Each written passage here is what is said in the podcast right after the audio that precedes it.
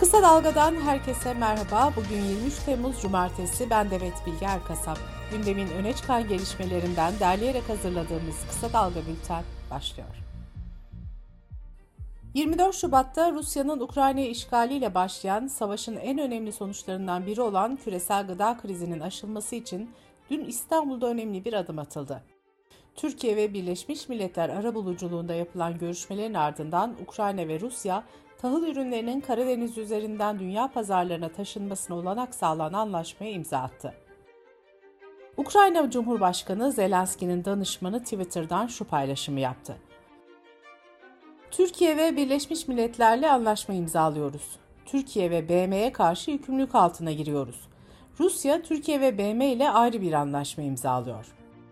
Söz konusu anlaşma ilk etapta 120 gün boyunca uygulanacak sonra yenilenecek. Birleşmiş Milletler'le Rusya da ayrı bir protokol imzalayacak. İki ülkeyi anlaşmaya götüren süreç savaşın başlamasının ardından Ukrayna'nın güvenlik, Rusya'nın da yaptırımlar nedeniyle tahıl ürünlerini uluslararası pazarlara satamamasını yarattığı küresel gıda krizi uyarılarıyla başladı. Dünyanın en önemli iki tahıl üreticisinin ürünlerini ihraç edememeleri gıda fiyatlarında artışa neden olurken, yoksul Afrika ülkelerinde yaşayan milyonlarca insanın hayatını da tehlikeye soktu.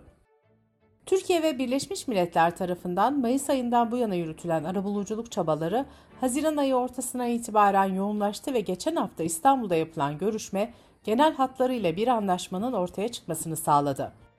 Tahıl koridoru oluşturulmasına dönük çabaların ilk amacı mayınlar nedeniyle Ukrayna limanlarında sıkışıp kalan tahıl ve diğer gıda ürünleriyle yüklü gemilerin dünya pazarlarına açılmasını sağlamak. Bu kapsamda yaklaşık 80 geminin olduğu belirtiliyor. Tahıl Koridoru Anlaşması nedeniyle İstanbul'a gelen Rusya Federasyonu Savunma Bakanı Şoygu, Milli Savunma Bakanı Hulusi Akar'la görüştü. İkili ve bölgesel savunma güvenlik konularının ele alındığı toplantıda Bakan Akar, Ukrayna'da acil ateşkesi olan ihtiyacı vurgularken tahıl ve gıda sevkine yönelik çalışmalara katkılarından ötürü Şoygu'ya teşekkür etti. Sağlık Bakanlığı tarafından her yıl yayınlanan Sağlık İstatistikleri Yıllığı'nın 2020 verilerine göre Türkiye'de 88.127'si uzman olmak üzere 171.259 doktor bulunuyor. Deutsche Welle Türkçe'den Burcu Karakaş'ın haberine göre her 100 bin kişiye 205 doktor ve 105 uzman doktor düşüyor. Bu sayı 38 üyeli Ekonomik İşbirliği ve Geliştirme Örgütü OECD ortalamasının altında kalıyor. OECD ortalamasında her 100 bin kişiye 356 doktor düşüyor. Türk Tabipleri Birliği'ne göre şiddet olayları ve hekim hataları davaları nedeniyle cerrahi branşlar için açılan kadrolar boş kalıyor. Bu arada Sağlık Sen'in hazırladığı rapora göre Haziran ayında sağlık çalışanlarına yönelik 32 şiddet olayı meydana geldi. Bu olaylarda 42 sağlık çalışanı mağdur oldu. Millet Partisi'nin Millet İttifakı adına karşı yaptığı başvuruyu reddeden Anayasa Mahkemesi, ittifakların seçim sürecine girilmedikçe hukuki varlıklarının olmadığını belirtti. Üniversite sınav sonuçlarının açıklanmasıyla birlikte yurt ücretlerine yapılan zam da belli oldu. Yurt fiyatları aylık 3500 liradan başlayıp 12 bin liraya kadar çıkıyor. Tüm Yurt ve Özel Barınma Hizmetleri İşverenleri Sendikası Başkanı Umut Gezici, yüksek kira oranlarına da dikkat çekerek şöyle dedi. Üniversiteyi kazanan öğrencilerin yaklaşık %4-5 kadarının maddi olanaksızlıklar yüzünden okula gidemediğini ya da kaydını dondurmak zorunda kaldığını düşünüyoruz. Bu sene bu sayının 2-3 katına çıkmasını bekliyoruz. HDP eski eş genel başkanı Selahattin Demirtaş'ın Ankara Cumhuriyet Başsavcılığı döneminde Yüksel Kocaman'a yönelik tehdit ve hedef gösterme suçlamasıyla yargılandığı davanın yeniden görülmesine başlandı.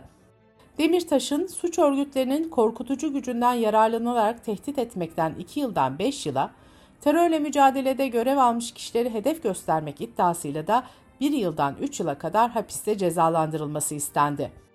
Demirtaş esas hakkında savunma yapmak için 16 Eylül'de hakim karşısına çıkacak. Sırada ekonomi haberleri var.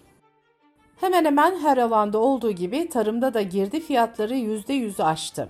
Türkiye İstatistik Kurumu Mayıs ayına ilişkin tarımsal girdi fiyat endeksini açıkladı.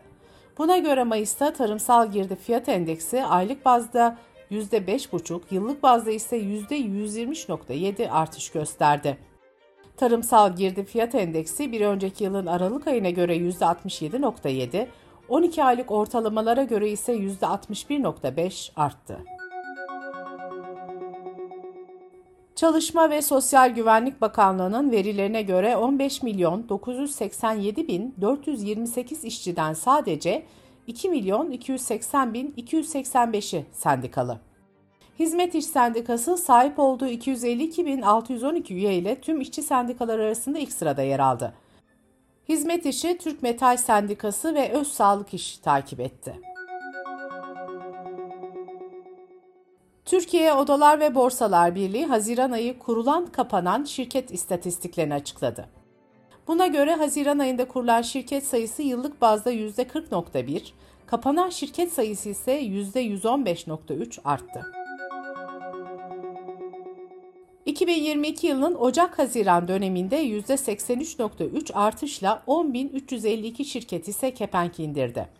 Kapanan kooperatif sayısı %138.4, kapanan gerçek kişi ticari işletme sayısında ise %5,5'luk artış oldu. Türkiye Bankalar Birliği'nin pandemi nedeniyle bankalara kredi borcunu zamanında ödemeyen otellere takip işlemi başlatmayın, borcu yapılandırın talimatına rağmen Türkiye'de 38 kentte 186 otel icralık oldu. İcralık otellerin illere göre dağılımında 47 işlemle Muğla ilk sırada yer aldı. İlçelere göre dağılımda 32 otelle Bodrum lider oldu. İller dağılımında Muğla'yı, Antalya ve İstanbul'u izledi. Pandemi döneminde icra işlemi yapılan otellerin yarısına yakını 3 kentte bulunuyor.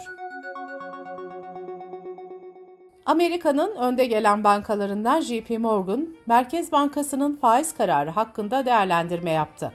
Bankanın değerlendirmesinde Merkez Bankası'nın karar metninde anlamlı bir değişiklik yapma gereği duymadığı ve faiz kararının giderek piyasayla daha az alakalı hale getirildiği belirtildi. Türkiye İstatistik Kurumu verilerine göre yılın ilk çeyreğinde yurt içinde ikamet eden 7 milyon 344 bin kişi seyahate çıktı. Bu sırada 12 milyar liralık harcama yapıldı. Ancak seyahate çıkanlar en çok arkadaş ve akraba evinde kaldı. Dış politika ve dünyadan gelişmelerle kısa dalga bültene devam ediyoruz. Eski ABD Başkanı Donald Trump'ın 6 Ocak 2021'de Amerikan Kongresi'ne düzenlenen saldırıyı televizyondan izlediği ortaya çıktı. Eski Beyaz Saray yetkilileri çocuklarının ve yardımcılarının kendisine müdahale etmesi için yalvarmasına rağmen Trump'ın harekete geçmediğini söyledi. Dünya Sağlık Örgütü'nün dünyanın %70'ini 2022'nin ilk yarısı itibariyle aşılama hedefi tutmadı. Covid-19 aşılama hedefi %66.8'de kaldı. Düşük gelirli ülkelerde ise bu hedef %19.4 olarak gerçekleşti. Bu oranlara göre zengin ülkelerde her 4 kişiden 3'ü tam aşılanırken fakir ülkelerde ise her 7 kişiden biri aşılanabildi.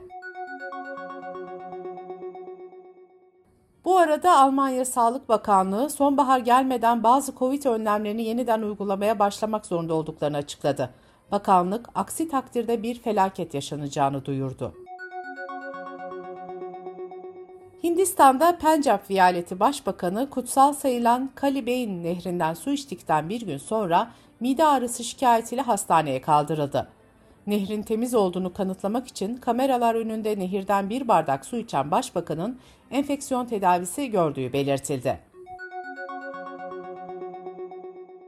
Müzayede Evi Sotheby's tarafından değerli kitaplar için düzenlenen açık artırmada Shakespeare'in oyunlarının ilk defa toplu olarak basıldığı İlk Folyo adlı kitap 2 milyon 470 bin dolara satıldı. 1623 tarihinde basılan eser İngiliz edebiyatının en önemli kitabı ve İngiliz dilinin en büyük iki kitabından biri olarak kabul ediliyor. Bültenimizi kısa dalgadan bir öneriyle bitiriyoruz.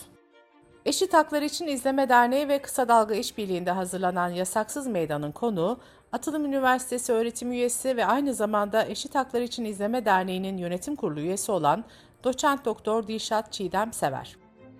Zeynep Duygu Ağbayır'ın sorularını yanıtlayan Sever, barışçıl toplantı ve gösteri yürüyüşlerine getirilen kısıtlamaları ve bunlara ilişkin açılan davaları anlatıyor. Yasaksız Meydanı kısa dalga.net adresimizden ve podcast platformlarından dinleyebilirsiniz. Gözünüz kulağınız bizde olsun. Kısa Dalga Medya.